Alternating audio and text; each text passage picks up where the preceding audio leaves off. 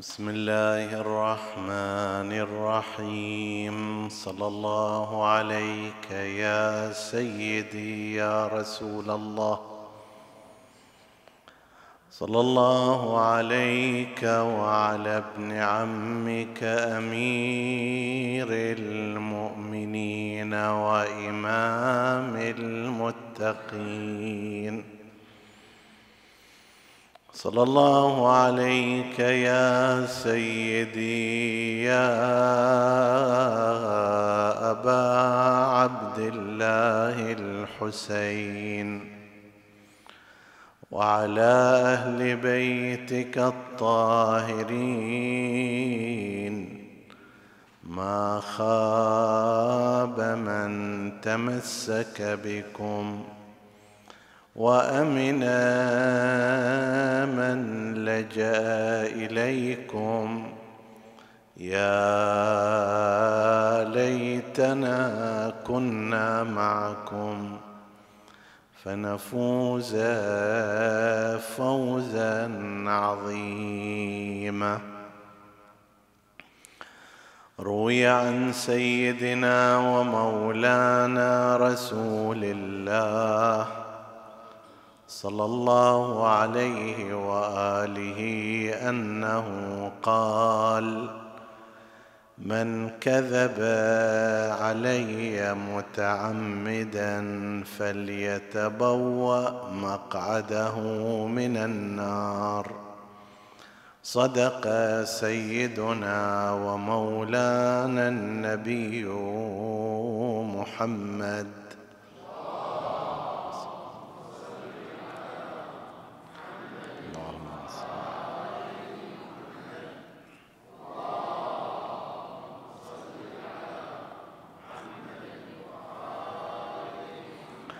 اللهم صل على محمد وآل محمد.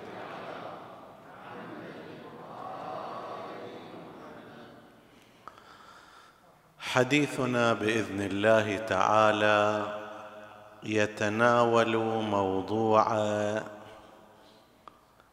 الحديث الموضوع ما الذي يدعو إلى وضعه وكيف يمكن اكتشافه. ضمن سلسلة الحديث عن سنة رسول الله صلى الله عليه وآله ذكرنا أن منع الحديث عن النبي ومنع تدوين السنة لمدة تصل إلى نحو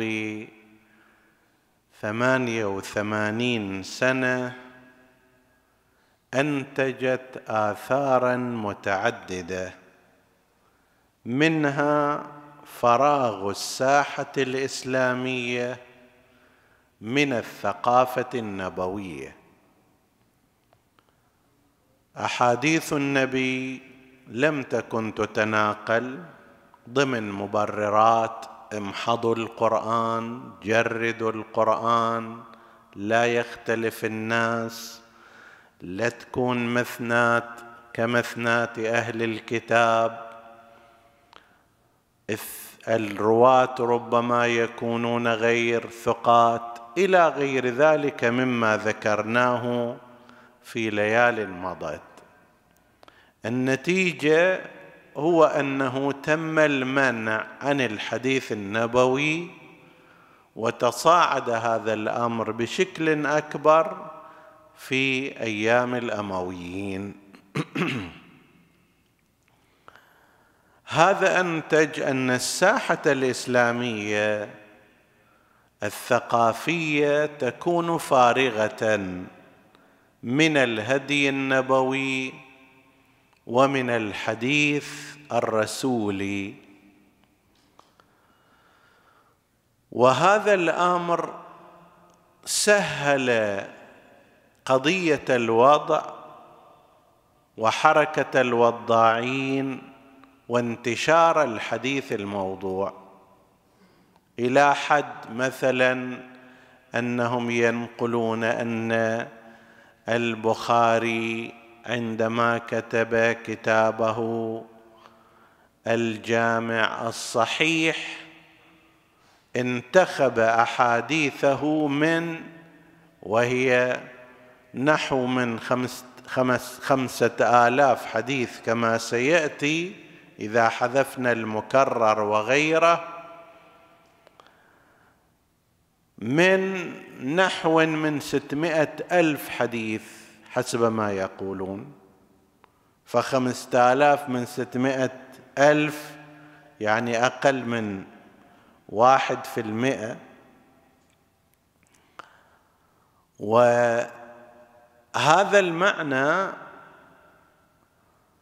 إذا كان هالمقدار استثني من حديث البخاري فكم كان من الحديث هذا مثلا قد وضع على لسان رسول الله صلى الله عليه وآله؟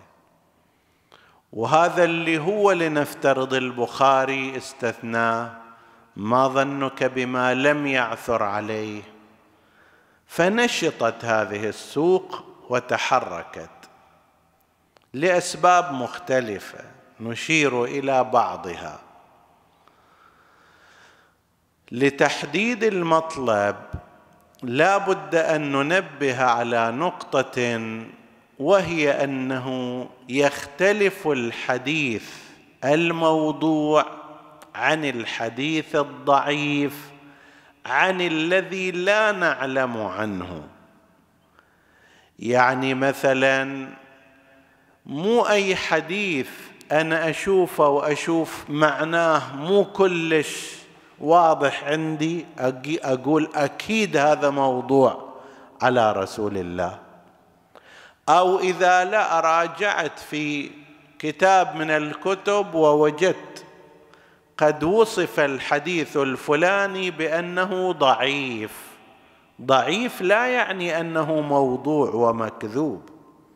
ولذلك لما واحد يسأل هذه الرواية شلون ضعيفة أو لا تقول له ضعيفة؟ يعتقد لما تقول له ضعيفة يعني هذه كاذبة لا فرق كبير. ضعيف يعني السند اللي ينقله حسب رأي المجتهد الفلاني. بعض رواته مثلا مجاهيل أو ضعفاء أو ما شابه. أما أنه مكذوب لا يستطيع أن يجزم بذلك.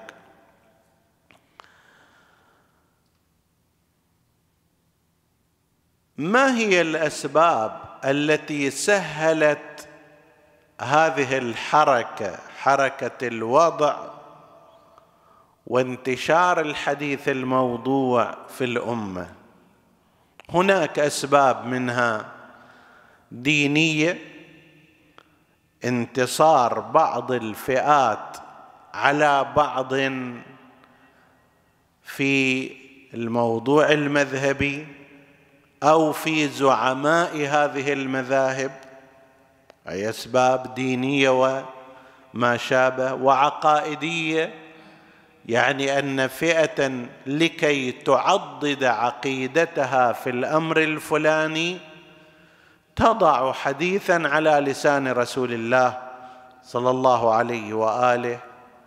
بعضها يرتبط بأمور مادية قسم من وضاع الحديث كانوا يرتزقون بهذا. يدري إذا يضع حديثا في شأن هذا السلطان أو هذا الاتجاه راح يحصل على أموال فيضع بناء على ذلك. وكله مشمول لقول النبي صلى الله عليه وآله من كذب علي متعمدا فليتبوأ مقعده من النار. هذا الحديث موجود في مصادر مدرسة الخلفاء كمسند أبي داود وابن ماجه وغيرهما وموجود أيضا في مصادر الإمامية ككتب الصدوق وقد نقلها عنه الحر العاملي في وسائل الشيعة. ومعناه واضح أن الذي يكذب على رسول الله وينسب إليه حديثا لم يقله النبي وهو متعمد في ذلك غير مشتبه غير ناسي لا يدري أن هذا الحديث ما قاله رسول الله وإنما تأليفه هو فنسبه إلى النبي. هذا بهالمعنى متعمد. هذا خل يحجز له مكان في نار جهنم فليتبوأ مقعده من النار. وحتى لو كان في رأي أن هذه أهدافه زينة كما كان يصنع بعضهم ونشير إليهم من بعض المتقدسين والصوفية وغير المتحرجين.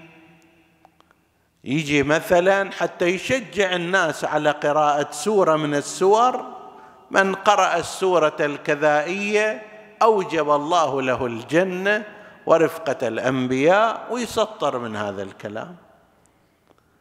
من صلى ركعه ركعتين في الأولى بكذا والثانية بكذا حصل له كذا وكذا وكذا. وماكو خبر ولا أثر عن النبي بهذا المعنى. هو وضع ليش توضع؟ يقول حتى نشجع الناس على قراءة القرآن وعلى الصلاة كما فعل بعضهم.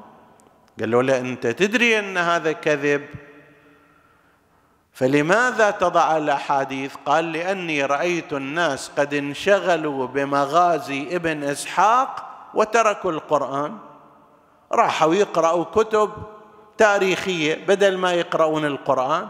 فأنا إجيت أرغبهم في القرآن وضعت هالحديث من ختم القرآن ختمة كان له كذا من قرأ سورة البقرة كان له كذا.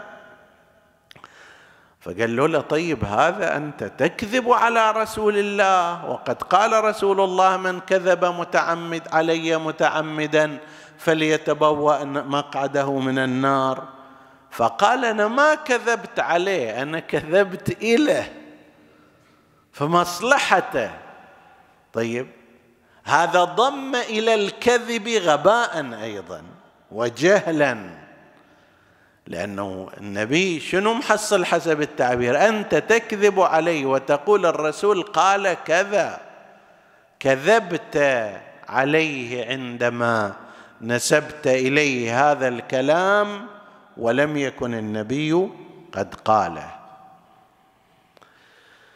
فهناك اذا أسباب متعددة. تدرون أنه وهذا واضح بالنسبة إلى الإخوة الأفاضل والأخوات الفاضلات أن الكذب على النبي في نهار الصيام على المشهور عند العلماء مبطل للصوم.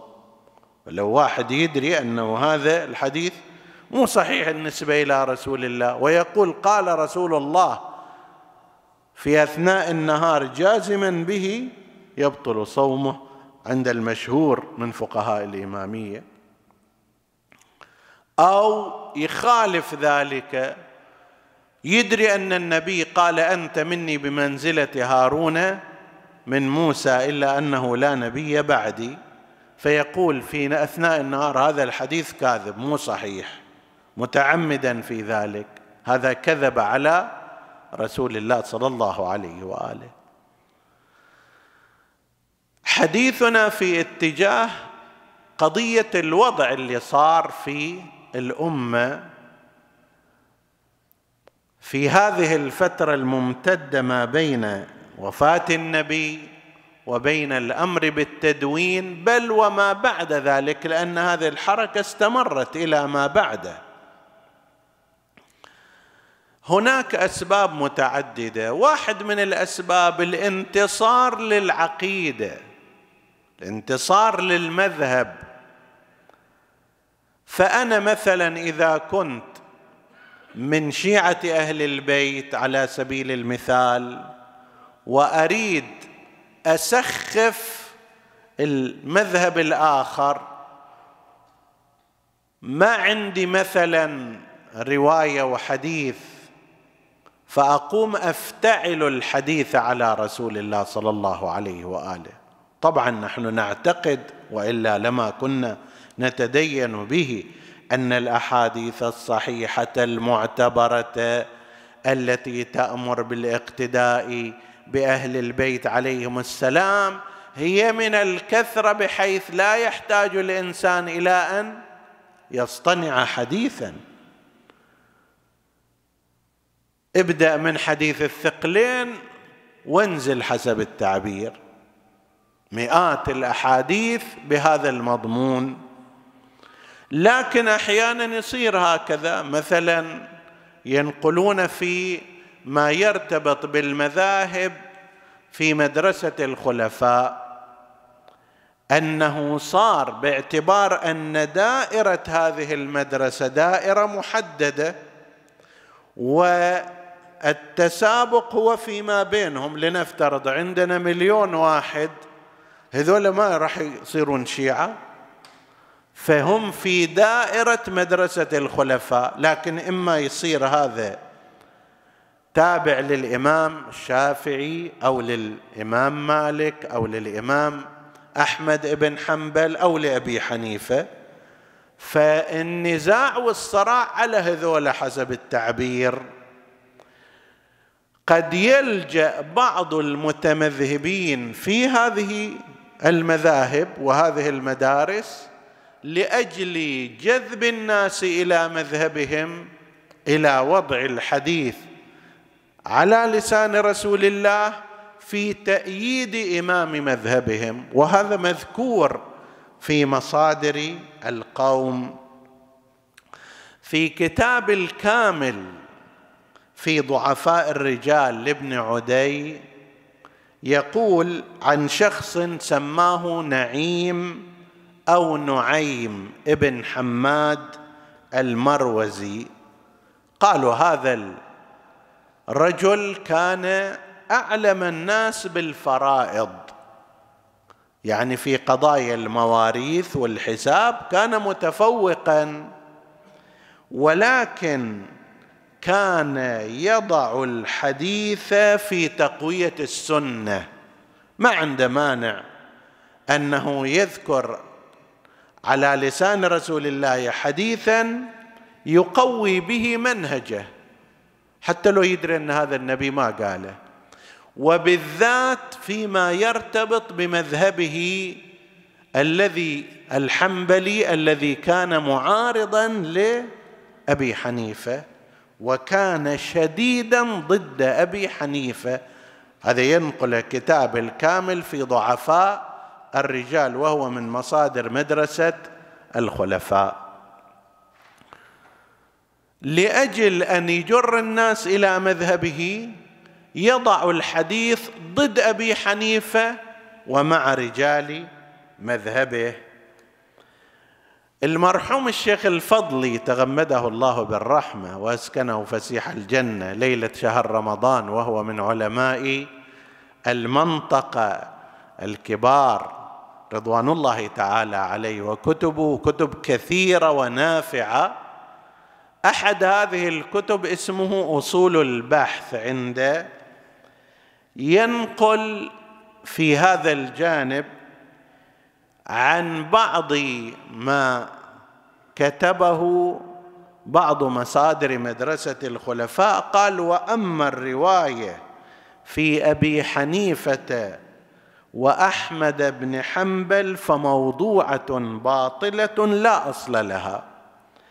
أما حديث هو سراج أمتي ذاك حم نعيم ابن حماد كان ضد أبي حنيفة وكان يضع الحديث ضده. ذول جماعة أبو حنيفة وضعوا حديث عن رسول الله أنه قال أبو حنيفة هو سراج أمتي. فأورده ابن الجوزي في الموضوعات وذكر أن مذهب الشافعي لما اشتهر.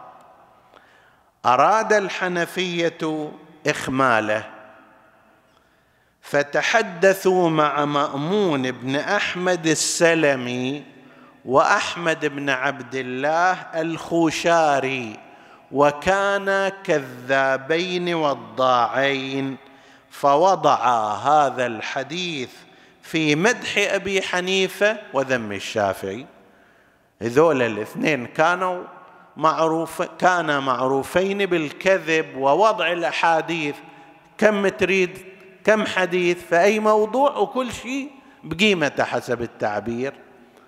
فمذهب الشافعي لما بدأ ينشط ويشتهر الأحناف في ذلك الوقت أرادوا أن يقفوا أمامه. ماذا يصنعون؟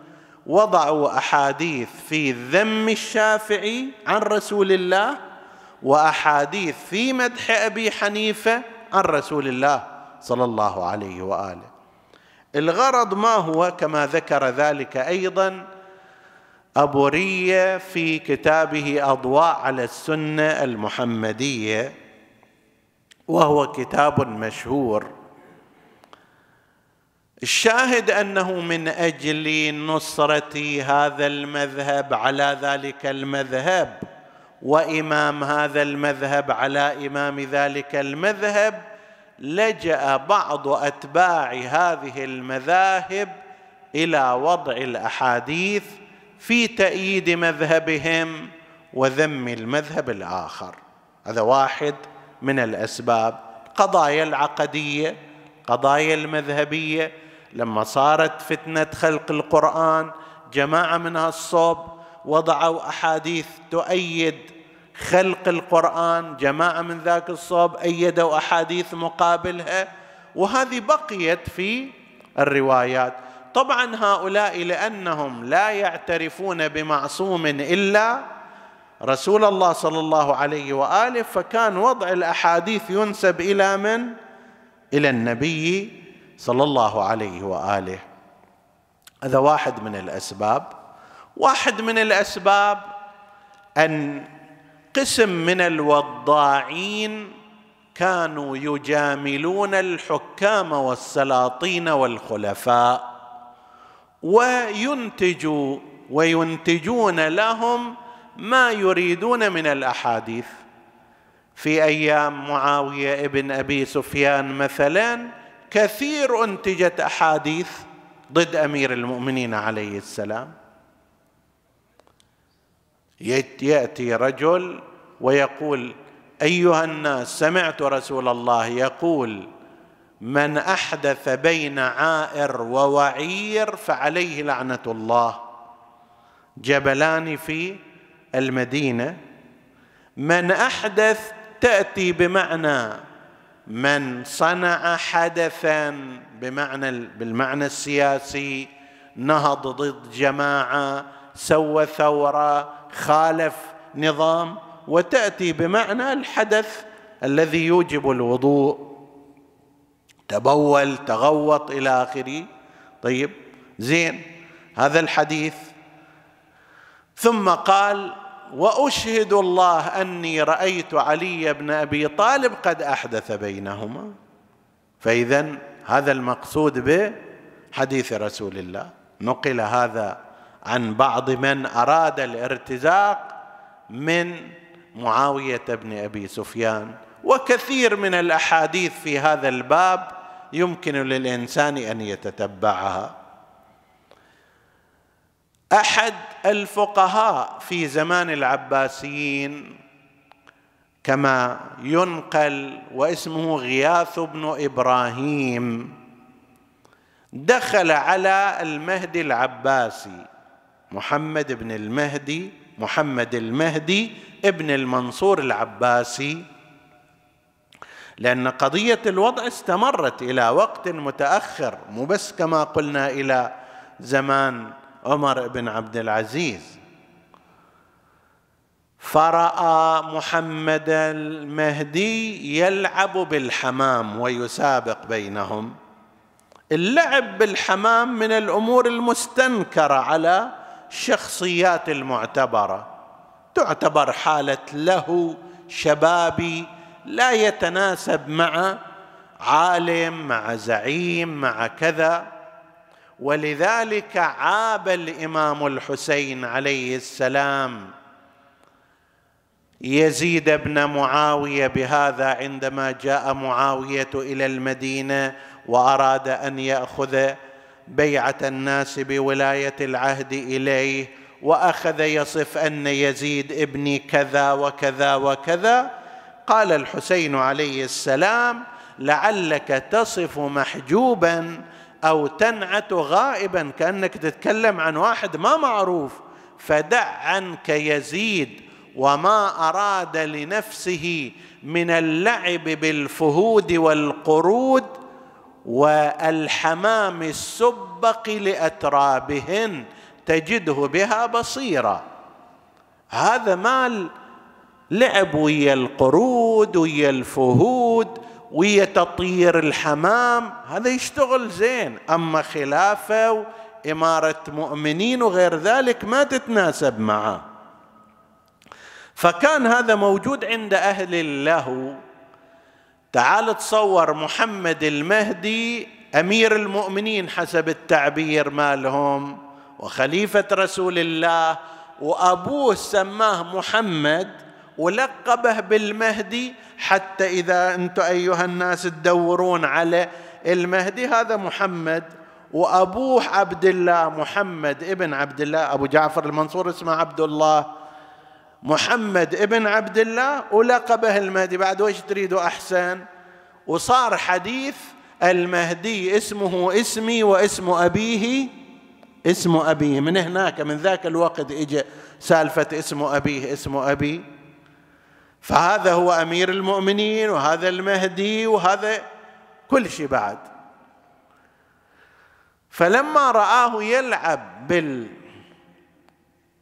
بالحمام ويسابق يطيرهن قال له المهدي هل تحفظ حديثا؟ قال بلى. قال قال رسول الله لا سبق إلا في خف أو حافر أو نصل أو جناح. الرواية عندنا وفي مصادر مدرسة الخلفاء لا سبق إلا في خف أو حافر أو نصل. المسابقة يصير كعمل رياضي خصوصا أنه ينظر إليها باعتبارها تنفع في التجهز للحروب والعسكر في ذلك الزمان. مسابقة بالجمال مسابقة بالخيل أو مسابقة في التهديف بالنصل والقوس والرمي به. كلها أعمال عسكرية. هذا أضاف إليها شنو؟ أو جناح حتى يبرر عمل منه محمد المهدي اللي كان يلعب بالحمام. فلما خلص ألقى إليه بدر الدنانير وخرج. فقال محمد المهدي أشهد أن قفاه قفا كاذب على رسول الله. كذاب هذا اللي قاله. وأن الحديث هذا مو صحيح في قسم الجناح ماله. ثم العجيب أنه ثم أمر المهدي بالحمام فذبح. فقال له لعمي هذا ويش ذنب هالجناح؟ هالحمام هذا اللي ذبحته؟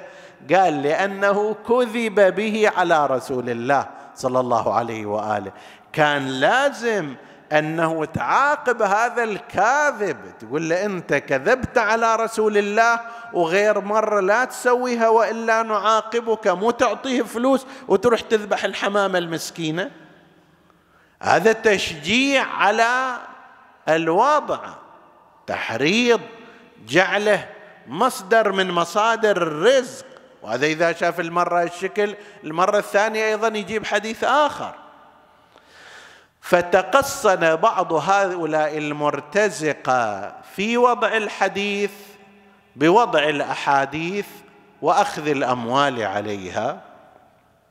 قسم ثالث من أشرنا إليهم جماعات المتقدسين الجهلاء الذين بزعمهم أرادوا أن يحرض الناس ويشجع الناس على الصلوات والأذكار والأوراد فأنتجوا من هذه الأحاديث. قال رسول الله من قرأ هذه السورة وقرأ القرآن كذا من صلى هذه الصلاة كذا وإلى غير ذلك. وبعضها واضح على خلاف. الموازين الشرعية. مثل فد صلاة انتشرت وللأسف هنا نعم تنتشر عندنا عبر الواتساب. لا سيما في شهر رمضان. انتظروها في آخر شهر رمضان. آخر أربعاء ما أدري آخر جمعة أنه من صلى هذه الصلوات فلو كان عليه قضاء سنوات كثيرة الصلاة هذه تسد مسده. كذب لا يقوم مكان الصلاة من الناحية القانونية. والفقهية والدليلية لا يقوم مقام الصلاة إلا قضاؤها. أنا علي خمس سنوات أجي أسوي صلاة فيها ما أدري كذا وكذا ركعتين ولا أربع ولا عشر وهذه إذا سويتها خلاص ترفع عني قضاء الصلوات. لا لا أحد من العلماء عندنا يفتي بمثل ذلك. صلاة فاتتك يجب عليك أن تقضيها كما فاتتك. ما دمت قادرا على ذلك. إذا لم تستطع أوصي بها أن تقضى عنك. أما فاتتني خمس سنوات صلوات أروح أصلي لي عشر ركعات بكيفية خاصة وتنتهي القضية؟ ليس صحيحا هكذا. ليس صحيح. لا هذه الصلاة صحيحة ولا الرواية صحيحة ولا أحد من علمائنا يفتي بها. ليغر الإنسان نفسه بذلك. طبعا الإنسان مثلي وأمثالي يدور على الراحة. إذا شيء بدل ما يقضي خمس سنوات قال له تعال اقضي عشر ركعات وش له يروح على الخمس سنوات؟ إذا من الناحية الشرعية مقبول لا بأس. لكن إذا من الناحية الشرعية والفقهية لا صحة له لا أنت مطالب ومكلف بقضاء ما عليك.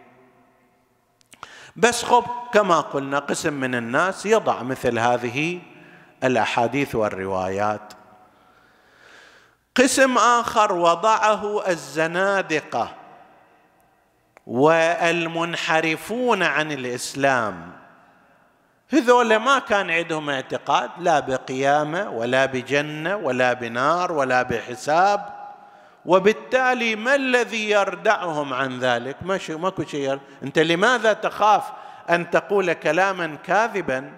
لماذا تخاف أن تعصي وتذنب؟ لأنك تعتقد أن وراء هذا حساب وعقاب وقيامة ومعاد ونار. فتترك مثل هذا الأمر. ذاك الزنديق حسب التعبير الذي لا يعترف بمثل هذه الأمور. ما عنده مشكلة أن يكذب وأن يضع الأحاديث. وبعضهم اعترف بذلك أيضا. ينقلون عن عبد الكريم ابن أبي العوجاء. أكو في زمان العباسيين كان معاصر للإمام الصادق عليه السلام في زمان العباسيين بدءا من أيام المنصور ثم المهدي العباسي ومن بعدهما نشطت حركة الزندقة والإلحاد عدم التدين الاستخفاف بالدين. بين فترة وأخرى تصير حتى في مثل هذه الفترات أيضا أنت تجد قسم من الناس هكذا. وكان لهذه الحركة أشخاص رؤساء وكبار منهم كان عبد الكريم هذا ابن أبي العوجاء منهم عبد الله بن المقفع منهم أبو شاكر الديصاني وأمثال هؤلاء. فالأئمة عليهم السلام كانوا ينافحون بالنقاش والدليل العلمي وما شابه ذلك. الدولة العباسية كانت تحاربهم بالقتل فهذا قبض عليه وأريد قتله. فقال إن قتلتموني فلقد وضعت في أحاديثكم أربعة آلاف حديث أحلل فيها الحرام وأحرم فيها الحلال.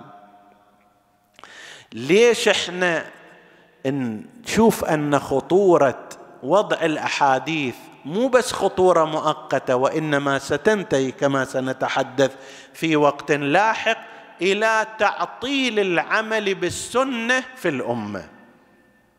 نتحدث إن شاء الله عندنا حديث مفصل في الموضوع هذا لما يقول وإن كان إحنا ما نعتقد أنه صادق أيضا لأنه هذا الذي لا يتدين ولا يتعبد ولا يخاف الله شنو المانع أن يكون حتى كلامه هذا يكون كذب؟ لما يقول أنا وضعت أربعة آلاف حديث لعله يكون كاذبا في ذلك أيضا. يريد التشويش ولعله يكون أكثر من هذا. نحن لا نعلم هذا لا يوثق بكلامه. بس المهم أن هذه الفئة وضعت أحاديث كثيرة في وسط الأمة وبقيت هذه الأحاديث. لذلك برزت الحاجة إلى المتخصصين لمعرفة الأحاديث وقيمتها. لأن الوضع ملوث بهذه الدرجة نحن نحتاج إلى متخصص يستطيع من خلال المقاييس اللي موجودة عنده أن يميز بين ما يمكن أن يكون مقبولا وما هو غير مقبول. كيف يكتشف الحديث الموضوع؟ طبعا هذا الحديث حديث تخصصي وهذا يحتاج إلى إلى دراسة سنوات طويلة جدا. والعلماء هذا شغلهم الفقهاء هذا شغلهم. فمو معقول أنه مثلا خلال عشر دقائق وربع ساعة إحنا نوضح المطلب.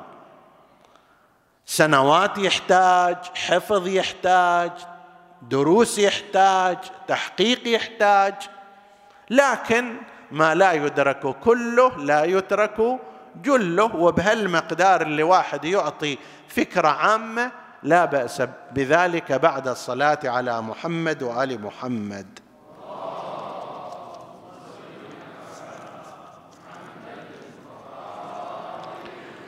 من أول الأمور التي يمارسها العلماء لتحديد الحديث الموضوع من غيره أن يعرض على الكتاب والسنة الثابتة والأصول الدينية المتيقنة.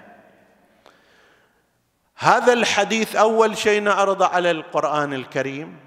شوف هل يتنافر ويتنافى مع القرآن الكريم أو لا؟ قد يكون موضوعه ما موجود في القرآن مثل بعض المواضيع الفقهية. الروح إلى السنة الثابتة عن رسول الله صلى الله عليه وآله وعن أهل بيته. شوف هل هذا الحديث يتنافى معها أو لا؟ فإذا لم يكن كذلك قبلناه مبدئيا وإن تنافى معها لا يقبل. أو الأصول العقائدية المتيقنة مثل عصمة الأنبياء عليهم السلام مثل وحدانية الله وامتناع التجسيم والتشبيه في الاعتقاد بالله عز وجل. أشرنا في ليلة مضت أن بعض الأحاديث التي نقلت فيها إشارات إلى التجسيم إذا كان يوم القيامة كما ورد في بعض الأحاديث في المدرسة الأخرى وامتلأت نار جهنم بأهلها يضع الله والعياذ بالله رجله في وسط النار فتصيح قط قط يعني بس خلاص. زين هذا ما إلى معنى هذا الحديث مع كوننا نعلم أن نسبة الرجل إلى الله يعني نسبة الجسم. وقد تقرر في العقائد أن الله ليس بجسم سبحانه وتعالى عما يصفون. القرآن يقول ليس كمثله شيء وإذا صار صاحب رجل صار أمثاله أشياء. طيب فإحنا نجي نشوف مثل هذا وإذا به يتعارض مع الأصول الثابتة والمسلمة أو مع الآيات المباركة أو مع السنة الثابتة. هذا واحد من الأمور. ما سبق أن ذكرناه من نسبة بعض مصادر مدرسه المدرسة الأخرى مما تسرب من إسرائيليات. مسلمة أهل الكتاب نسبة المعصية إلى الأنبياء. بل نسبة ما هو مشين لرسول الله صلى الله عليه وآله. وبعض الأحاديث وإن كانت لا تنسب إليه المعصية بس تنسب إليه القبيح الذي لا ينبغي نسبته إلى إنسان مؤمن فضلا عن رسول الله صلى الله عليه وآله. فنجي نقول هذا الحديث عليه أكثر من علامة استفهام. هذا واحد من المقاييس. من المقاييس مضادة الحديث لأحكام العقل. هنا ينبغي أن أشير إلى نقطة وهي أنه ليس المقصود مضادته لأحكام العقل يعني أنا ما أتقبله. هناك فرق بين أنا ما أتقبله أنا ما استوعبه أنا ما استحسنه وبين أنه إذا تعرض إذا تعرضه على أي عاقل من العقلاء لا يقبله. فإن الناس في القسم الأول مختلفون. يعني شيء أنت ما تستقبله أنا أستقبله. ذاك يستقبله. شيء أنا ما أفهمه بشكل دقيق على وجهي أنت. تفهمه بشكل دقيق وتشوفه كلام معقول. لا هذا بعد مو ضد أحكام العقل هذا ضد فهمي أنا. المقصود عندما نقول مضادة لأحكام العقل يعني عندما يعرض على أحكام العقول المجردة عند كل الناس تجدهم متفقين على أن هذا الحديث لا يمكن أن يكون معقولا ولا مقبولا. طيب. كذلك أيضا إذا كان مما يخالفه التاريخ المثبت بعض الأحيان قضايا تاريخية التاريخ الصحيح ينافيها.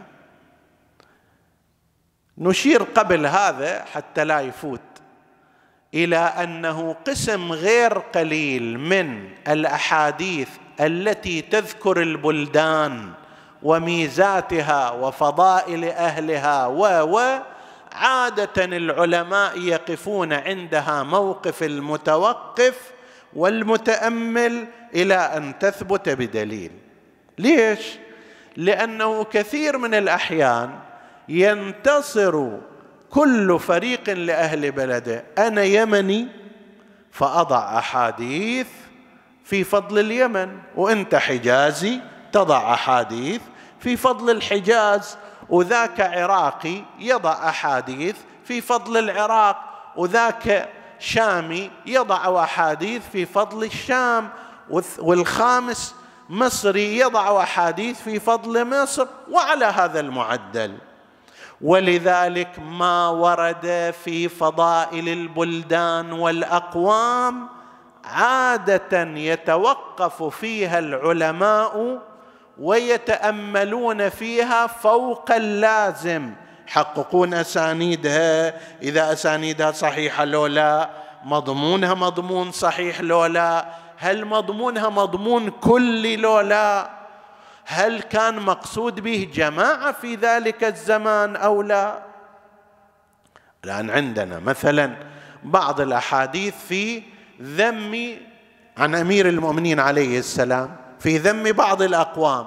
هل تنطبق على كل الأزمنة أو تنطبق على من كان في زمانه كما هو ظاهرها؟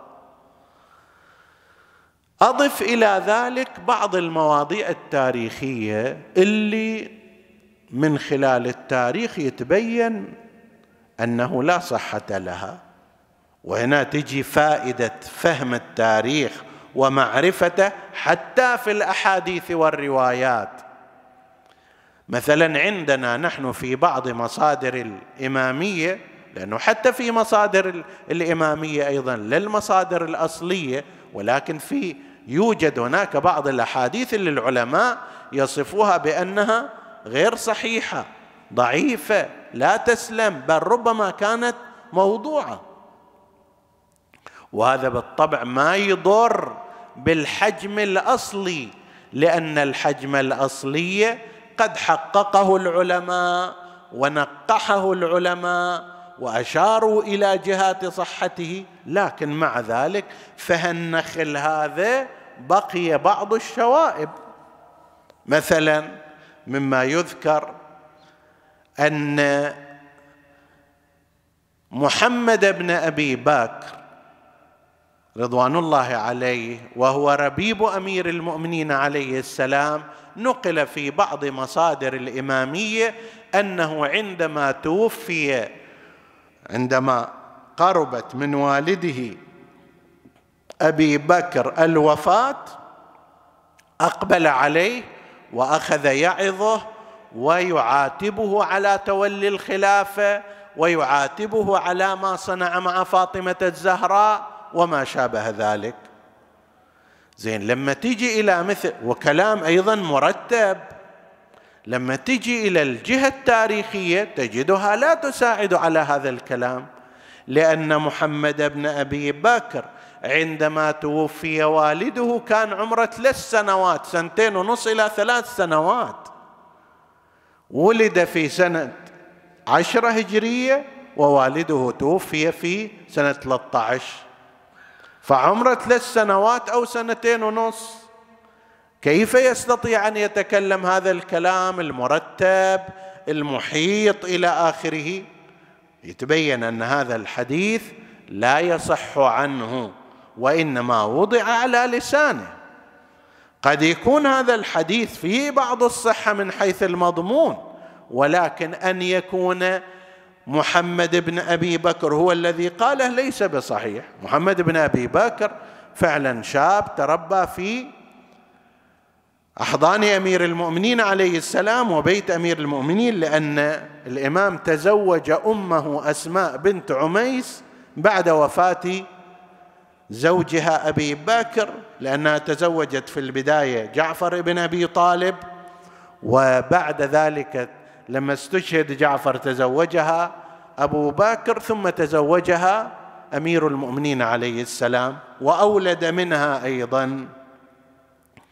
لذلك ينقلون أن عبد الله بن جعفر الطيار ومحمد بن أبي بكر ويحيى ابن علي بن أبي طالب إخوة من الأم ومن آباء ثلاثة. بس التاريخ ما يساعد على هذا الكلام أنه قال كذا وكذا. ونفس الكلام ما ينقل من أن أسماء بنت عميس كانت مع فاطمة الزهراء عليه السلام عندما ولدت الحسنين. هذا ما يساعده التاريخ لأن أسماء بنت عميس في ذلك الوقت كانت في الحبشة مع زوجها جعفر بن أبي طالب وما إجوا إلا إلا في وقعة خيبر وإلى ذاك الوقت ما كان الإمام الحسين والحسن مولودين. عليهما السلام. ذاك الوقت كان قد ولدا منذ مدة. يعني عدة سنوات مرت والحسنان قد ولدا بعد ذلك جاءت أسماء بنت عميس مع جعفر. فكيف كانت مع فاطمة في ولادتها؟ ما كانت كانت لا تزال في الحبشة. نعم ربما اشتبه على الناقل قد لا يكون هذا من باب الوضع وإنما من باب اشتباه النقل أن هناك اسم أسماء وهي أسماء بنت يزيد الأنصارية فالناقل توهم أنها بنت عميس كتب بنت عميس. لا الخبر هو عن أسماء بنت يزيد ابن السكن الأنصارية. كانت موجودة وهي من أهل المدينة وخدمت فاطمة الزهراء عليه السلام وشهدت ولادتها وأعانتها في ولادة الحسن والحسين عليهما السلام. وعنها تنقل أخبار ولادة الحسنين سلام الله عليهما. لا عن أسماء بنت عميس. بالفعل ينقل عنها وعن غيرها أنه لما ولدت فاطمة الزهراء عليها السلام بالإمام الحسين عليه السلام. أخبر رسول الله صلى الله عليه وآله بولادة الحسين فاغرورقت عينا رسول الله بالدموع. وجاء مسرعا إلى فاطمة وقال هلموا إلي ابني أعطوني ابني.